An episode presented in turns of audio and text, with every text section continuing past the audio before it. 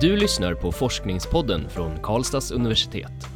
Här möter du forskare som tar dig med på en upptäcktsresa i vetenskapen. Den här podcasten görs av publiceringsstöd vid universitetsbiblioteket.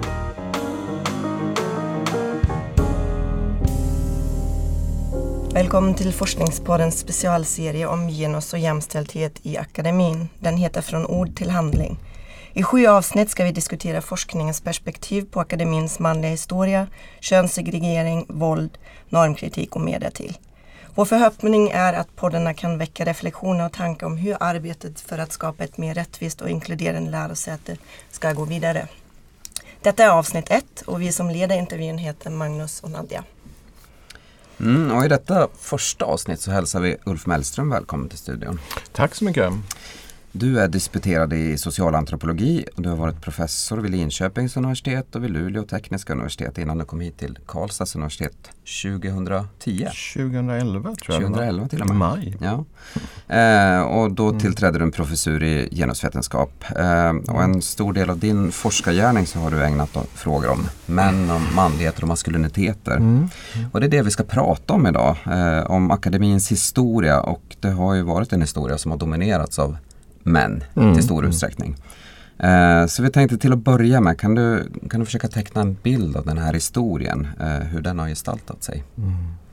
Alltså universitetet som, som inrättning är ju liksom liktydigt med män och manlighet. Alltså bara ett sånt exempel genom historien är ju till exempel att de här fellows vid Oxford och Cambridge de det var ju förutsatt att det var bara män, det var, det, att det fanns inga, fanns inga kvinnor. Men, men de äh, fick inte, alltså fram till 1888 fick fellows vid eh, Oxford och Cambridge inte gifta sig. Utan det var det själva tanken att mannen liksom gick, ingick ett äktenskap med vetenskapen. Och det där var ju eh, så att man gifte sig så att säga med, med vetenskapen. Och det där är en tematik som återkommer till exempel Mary Shelleys Frankenstein. Victor Frankenstein han får eh, han väljer mellan sin fästmö och vetenskapen och han väljer vetenskapen och han skapar monstret. Så att så här, det är ju en, en, en, det är den där tema, Janus-tematiken liksom finns ju i, i. Så att det är, en, det är ju en, det är, själva idén om universitetet är ju liktydigt med manlighet. Så att det är ju en, en en lång historia och det liksom var ju alltså, omöjligt att tänka sig kvinnor tid, alltså, alltså tidigt i, i universitetets historia. Men å andra sidan så kan man säga att alltså, institu alltså, universiteten institutionaliseras ju väldigt som framförallt slutet av 1800-talet, början av 1900-talet som är kanske den mest misogyna tid som vi någonsin har levt i. Eh, om vi tittar längre tillbaka i historien, till exempel universitetet i Bologna som bildas på 1400-talet så finns det ju kvinnor. Men de kommer ofta in i akademin via att de antingen ärver ett ämbete av sin far. Så det var en, en eh, jag tror det är Laura Bassi vid universitetet i Bologna som ärver ämbetet efter sin far. Och, eh, så det har ju funnits kvinnor i akademin historiskt. Men, men, de, det ser lite, men framförallt med institutionaliseringen av, av så som vi känner universiteten idag, slutet av 1800-talet, början av 1900-talet så är det, ju, det är liktydigt med att det är en manlig eh, det är, en, ja, det är män och det var nästan omöjligt att tänka sig överhuvudtaget att kvinnor skulle, skulle äh, få tillträde. Uh, till exempel den första kvinnan som sökte in på KTH, jag tror det är 1901, jag har glömt hennes namn. Men uh, hon blev avvisad av ledningen på KTH på grund av hennes, eh, fysi alltså hennes bräckliga fysiska konstitution. Hennes kropp ansågs inte klara de tuffa studierna vid Tekniska högskolan. Och det var motiveringen för så att säga, mm. av, av då ledningen på KTH vid den här tiden. Mm. Om vi, går, om vi tänker i förlängningen, vad hände sen? Vad, vad hände för att eh, kvinnor skulle få tillträde till akademin?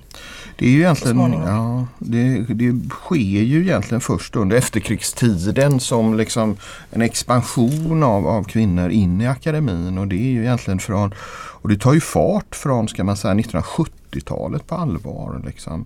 Eh, och sen, är det, ja, sen beror det ju på vad som in, räknas in i akademin. Det är många olika processer.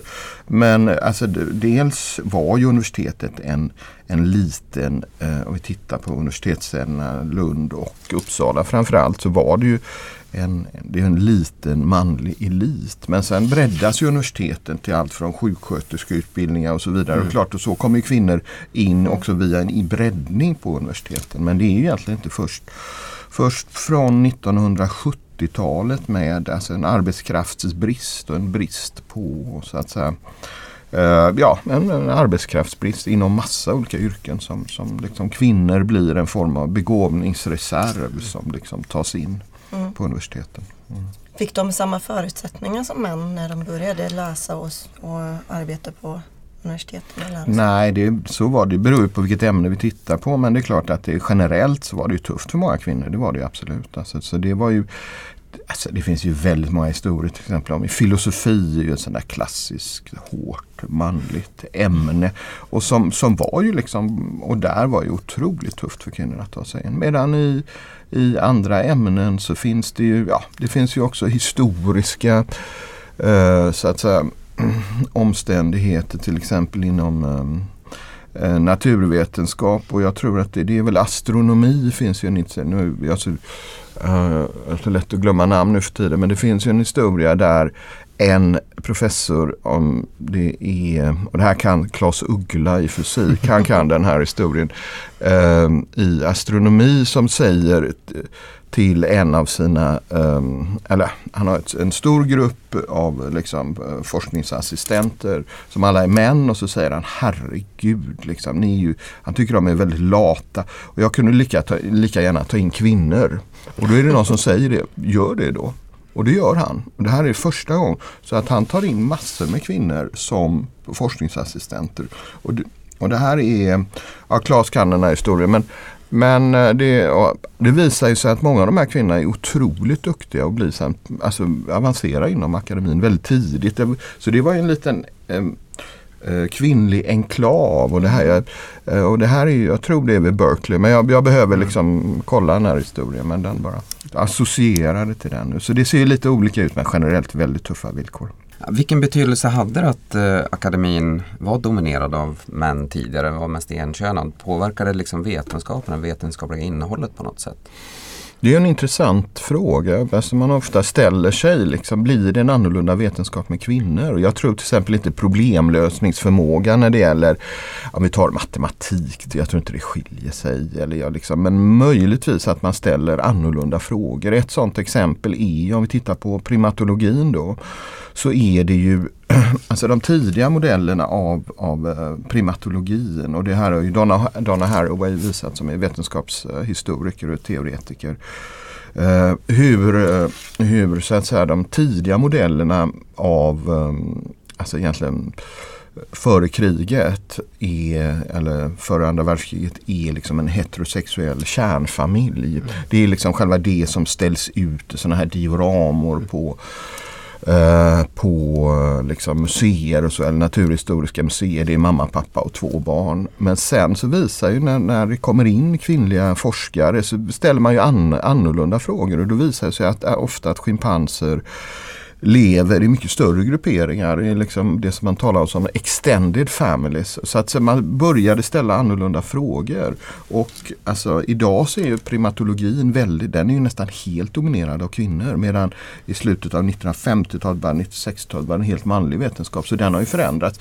Och då har ju också liksom vissa frågor ställts annorlunda. Till exempel vad är det för, hur projicerar vi som människor? Hur projicerar vi våra idéer om, om ja, det, var väl, det, det visade väl framförallt, och du nämnde Jane Goodall förut, hon var ju en sån här barnbrytande som ställde lite andra mm. frågor. Så att, men generellt så tror jag inte att innehållet, alltså i, när vi faktiskt gör vetenskap, systematik och så vidare skiljer sig. Men, men möjligtvis hur man ställer, ställer lite annorlunda frågor utifrån vem man är, vilka förutsättningar man har och vilka, vilken person man är.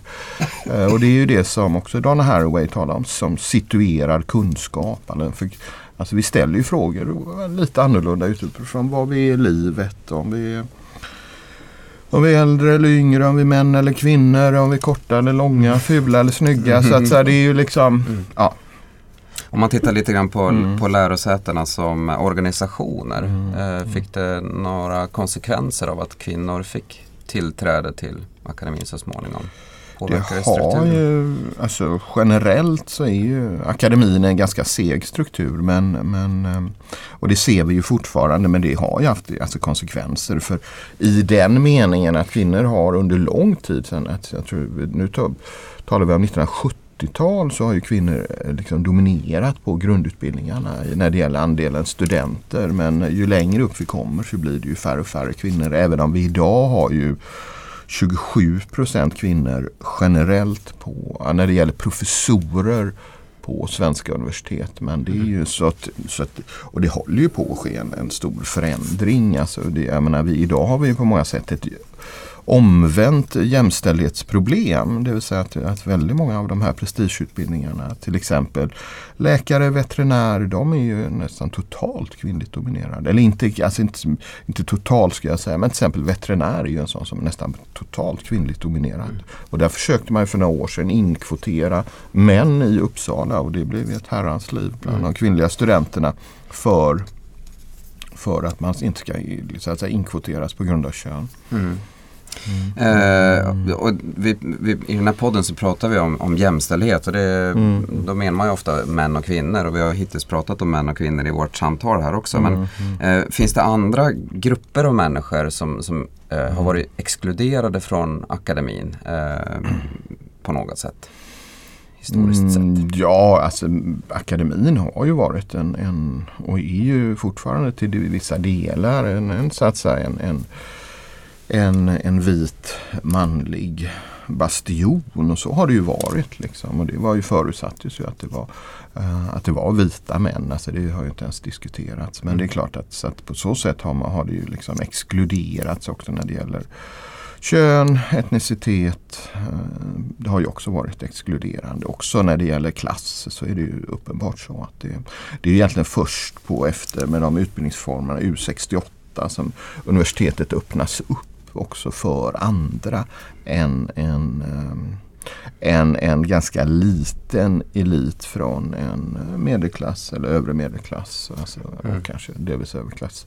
Arbetarklassen hade väl egentligen inte tillgång till universiteten förrän efter 1968. Alltså, Så att det är ju, ja på så sätt definitivt. Men klass är nog det som kanske nästan ännu tydligare än kön har så att säga, sorterat i relation. Och det är klart, det, det handlar ju om ekonomiska villkor. för Från 60-talet framåt så har vi ju också möjligheter att få lån, alltså vi- studielån och så. så alltså den typen av, det har ju hjälpt väldigt många. Bara en person som mig själv. Jag hade ju aldrig kunnat studera på universitetet om jag hade varit född 20 år tidigare. Ja. Får jag bara hoppa in här? Och, för jag ehm, är nog inte så bra på den här historien och jag vet inte riktigt vad U68 är. Det är väl Vad är det. det som hände då? Ja, det är ju en utbildningsreform som öppnar upp universiteten och som reformerar universiteten och som faktiskt Olof Palme som är utbildningsminister då 1968 står för. Och är en form av, av eh, ja, där man helt enkelt reformerar universiteten eh, och antagningskrav, vilka som får gå på forskarutbildning och så vidare. Så att det sker en stor, eh, alltså, men, men U68 är en sån här symbolisk markör som en utbildningsreform som, som liksom förändrar universiteten och som man också i den så att säga, politiska vågen som är på slutet av 60-talet också ifrågasätter makt. Man ifrågasätter liksom den här auktoriteten, man ifrågasätter ja, man ställer många, väldigt många kritiska frågor och det där och U68 är väl ett svar på det. Alltså, i, i, När vi ändå är inne och pratar om, om historien så att säga. På, på vilket Mm. eh, sätt tycker du att den här historien eh, har betydelse för akademin idag? Är det helt överspelat? Är vi liksom förbi det nu? Och nu är vi jämställda och, och, och, och likvärdiga? Eller? De här gamla Mm. strukturerna påverkar de fortfarande på något sätt? Ja, det gör de ju absolut. Men idag är det att det ser betydligt mer komplext ut idag. Liksom. Och där vi har ju många olika liksom, jämställdhet som vi tittar på. Ledning, professorer. Så det är klart, då har vi ju fortfarande en, en, en skev balans när det gäller. Tittar vi på tekniska utbildningar så har vi liksom så är det fortfarande ojämställt men det är det också på alltså många omsorgsutbildningar med få män. Och så, att säga, det är en, eh, så det där ser ju olika ut men det har ju ändå skett en relativt snabb förändring av universitetet sen på de sista 50 åren om vi säger sen, sen 1968. Mm. Så att det är ju eh, mycket snabbare än vad någonsin har skett tidigare så att säga, i, i universitetshistorien. Då. Men, um, men absolut, det finns väl fortfarande ett antal. Och det, nu, men nu handlar det kanske inte så mycket om Eh, det numerära. Även om det är väldigt ojämställt rent numerärt på framförallt då de kvinnodominerade utbildningarna. som är. Så det, idag handlar det väl kanske snarare att uppvärdera vissa utbildningar i relation till andra. För de, de meritvärdet som till exempel finns och studentpeng som finns på olika utbildningar, tekniska utbildningar, de är naturligtvis dyrare men de är ibland nästan orimligt mycket större än, än till exempel omsorgsutbildningar och det är ju ett jämställdhetsproblem i sig då. För mm. Om man tittar på vad män och kvinnor finns inom inom akademin. Så, så, men um, så att ja, frågorna blir mer komplexa och de blir mer så att säga, um, ja, vi behöver tänka lite nytt och lite annorlunda när det gäller jämställdhet. Tror jag. Finns det något, jag tänker du är ju antropolog och jag vet att du har gjort mycket forskning mm. ute i världen också mm. om högre mm. utbildning runt mm. om i världen så att säga. Finns det någonting, eh, kan du säga någonting om den, den, internationella utblicken och finns det någonting att hämta för oss kanske också på svenska lärosäten eller hur andra eh, mm. lärosäten arbetar runt om i världen med sådana här frågor? Det är ju väldigt olika. Alltså just när det gäller här jämställdhetsintegrering och det konkreta praktiska arbetet med jämställdhet så tror jag kanske att Sverige är så Uh, kan jag inte på rak arm komma på några liksom, exempel som, som man skulle kunna importera. Men, men själv har jag skrivit till exempel om hur det kom sig att eh, datavetenskap i Malaysia är ett kvinnligt dominerat ämne. Och där är det ju där är snarare en effekt, alltså, det här är en jättelång förklaring. Liksom. Och, um, men det är snarare en effekt av att det är ett liksom, etniskt segregerat samhälle och vissa grupper har då liksom, favoriserats på grund av andra. Och där har unga tjejer inom den inhemska gruppen malajer blivit favoriserade i relation till både män och kvinnor av andra etniska mm. grupper och så har det blivit så att säga en slags en etnisk segregering har gjort att kvinnor har kommit in. Så att, men det är kanske ingen modell att, att importera. Så att säga. Men, men det finns ett antal exempel på där, där man har sett så att säga, hur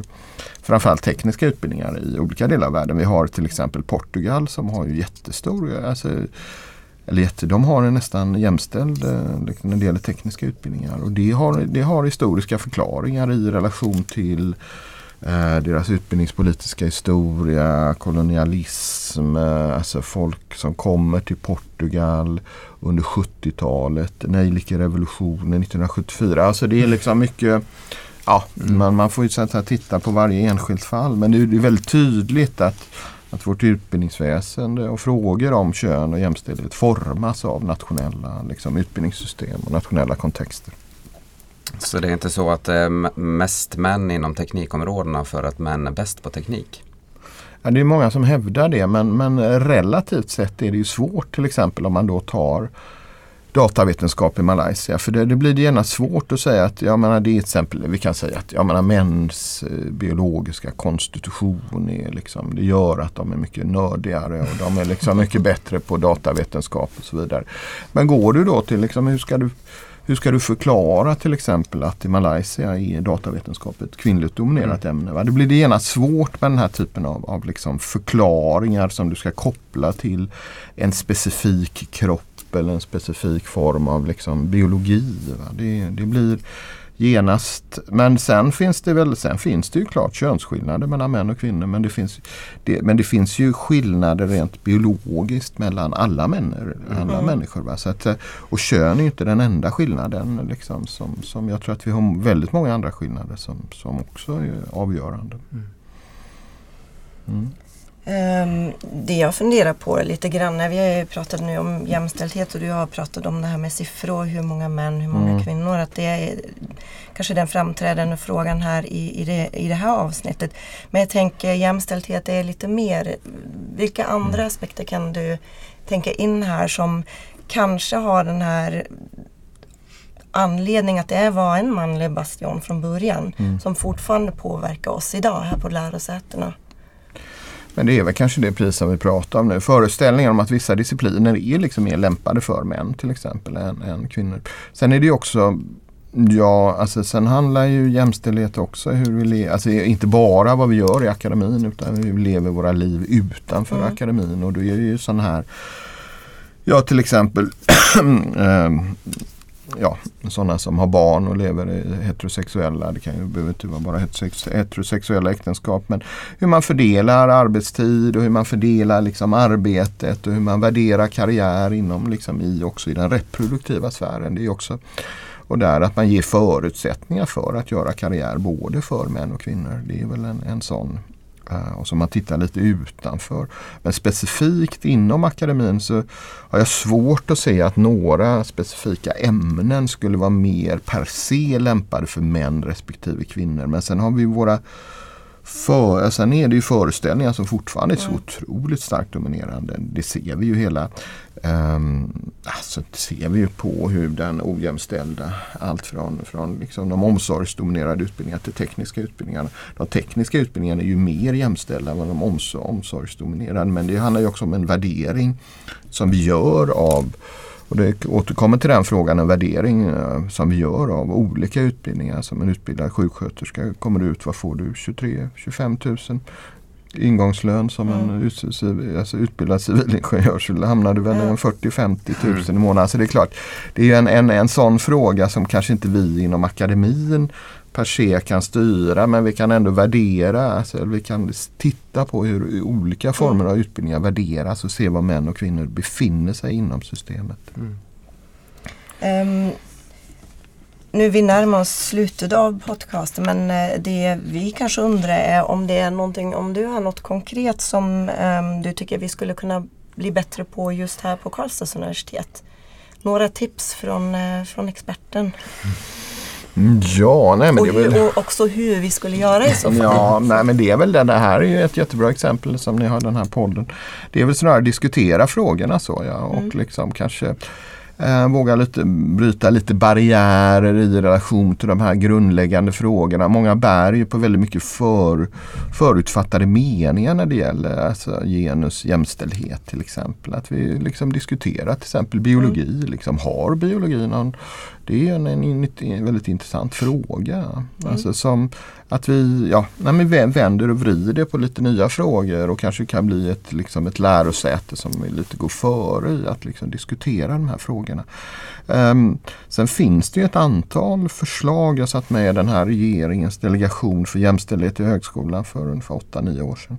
Och där fanns ett antal skarpa förslag i den. Det är en väldigt bra utredning och många bra liksom, som man skulle kunna gå tillbaka till. Och då diskuterades till exempel jämställdhetsbonus mellan olika universitet. Men man skulle kunna tänka sig en jämställdhetsbonus mellan fakulteter, mellan olika institutioner, hur man jobbar med de här frågorna, att man blir tilldelad medel utifrån. Alltså så. Det, det tror jag verkligen, för på universitetet är det ju så, alla, alla är ju liksom, det är ju det vi pratar om mest, hur mycket medel vi får och hur mycket externa medel vi har dragit in och så.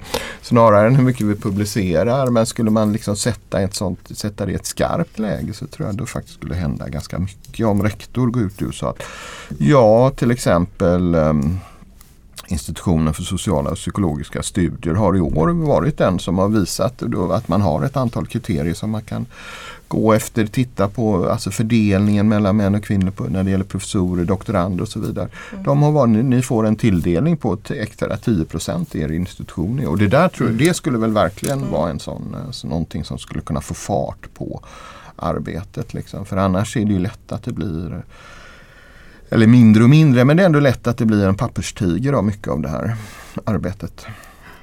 Papperstigrar vill vi inte ha. Eh, varmt tack eh, Ulf för att du har gästat Forskningspodden idag. Det är dags för oss att avsluta här. Tack så mycket. Eh, och i nästa avsnitt av den här specialserien Från ord till handling så kommer vi att eh, träffa Ann Bergman som är professor i arbetsvetenskap här på Karlstads universitet. Och vi kommer att eh, samtala med henne under rubriken Kön, makt och arbetsdelning.